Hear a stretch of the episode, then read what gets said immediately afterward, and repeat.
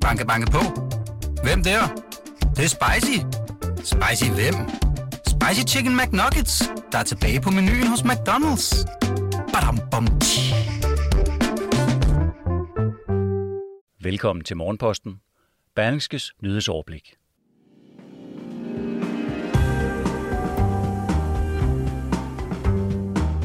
Det er i dag 20 år siden, at verdens værste terrorangreb ramte USA, og det er i dag 20 år siden, at en ny æra i verdenshistorien begyndte. USA markerer 20-året for 11. september, og det gør Morgenposten og Berlingske også. I løbet af dagen kan du følge den seneste udvikling fra mindeholdtidlighederne i New York og Washington D.C. i Berlingskes liveblog. Godmorgen og velkommen til. Jeg hedder Mette Melgaard.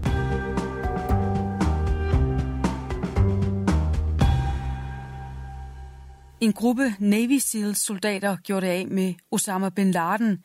Fire amerikanske præsidenter har erklæret al-Qaida besejret, og fire amerikanske præsidenter har taget fejl. Efter Vesten i 20 år har været på hævntogt mod al-Qaida, lever terrorgruppen endnu. Og selvom bin Laden for længst er død, er gruppen faktisk farligere, end den har været i mange år. Det skriver Berlingske Smelmøs korrespondent Carolina Camille.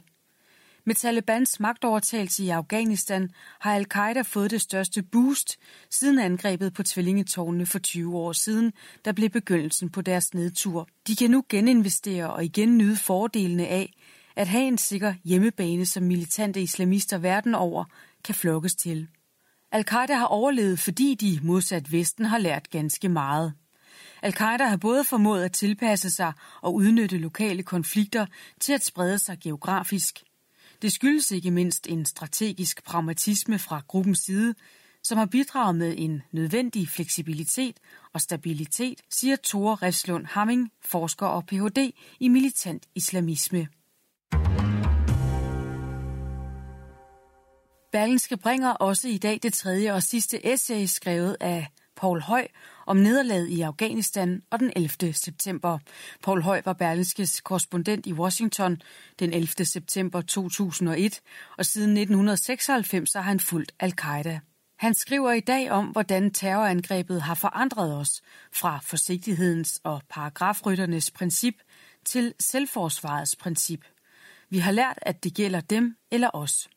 Det er også historien om den tykke mand i Hamburg ved navnet Mohammed Sammer, som er en af de mest ukendte og ubeskrevne personer i hele historien om terrorangrebet, men som samtidig er en af de mest betydningsfulde.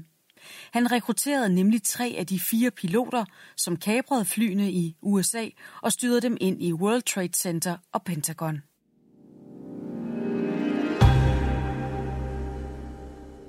Selvfølgelig skulle vi i krig efter 11. september. Det skriver Søren Pind i en kommentar i dagens Berlingske.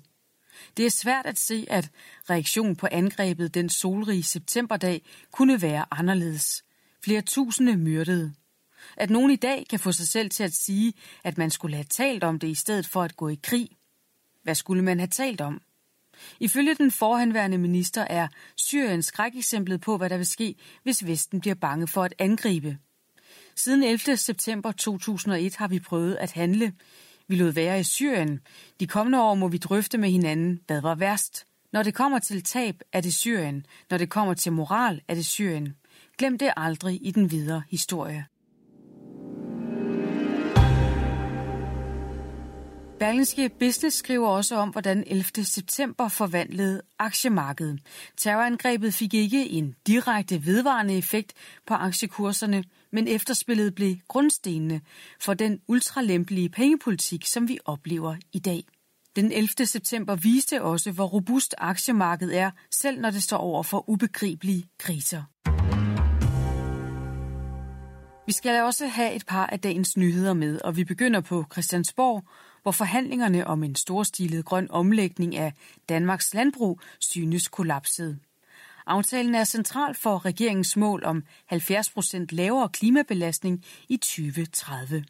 Efter fire måneders forhandlinger og flere end 60 møder har Blå Blok nu fremlagt et helt nyt forslag, som ifølge politikken er så langt fra regeringens udspil, at en aftale ser umulig ud. Blå Blok har lavet en omvendt koleone, et tilbud, regeringen godt kan afslå, skriver SF's formand Pia Olsen Dyr på Twitter.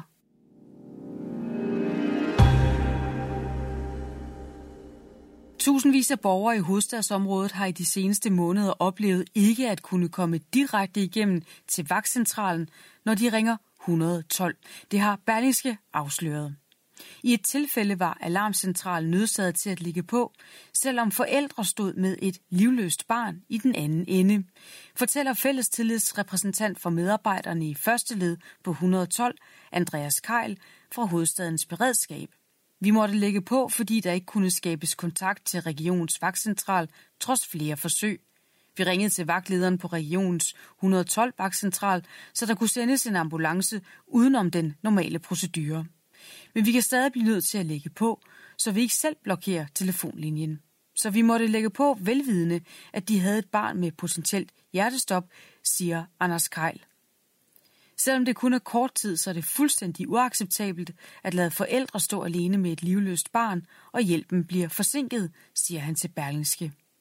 Flere medarbejdere på vagtcentralen har valgt at sige op, blandt andet på grund af de mistede opkald.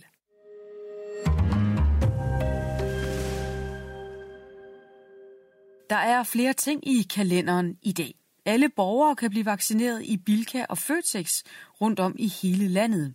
Her vil personer fra regionerne stå klar med vaccinationer til dem, der ønsker en vaccine, men endnu ikke har fået den. SF holder landsmøde, og formand Pia Olsen Dyr ventes at tale kl. 11.30. Og så er der halvmarathon på Storbæltsbroen. I USA vil Joe Biden dagen igennem deltage i mindehøjtidligheder i New York, Washington D.C. og Pennsylvania.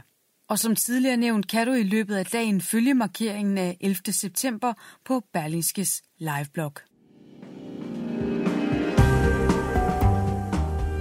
Morgenposten runder af for nu, og øh, i morgen tidlig er det Morten Olsen, der leverer nyhedsoverblikket. Tak fordi du lyttede med. Jeg vil ønske dig en rigtig god dag.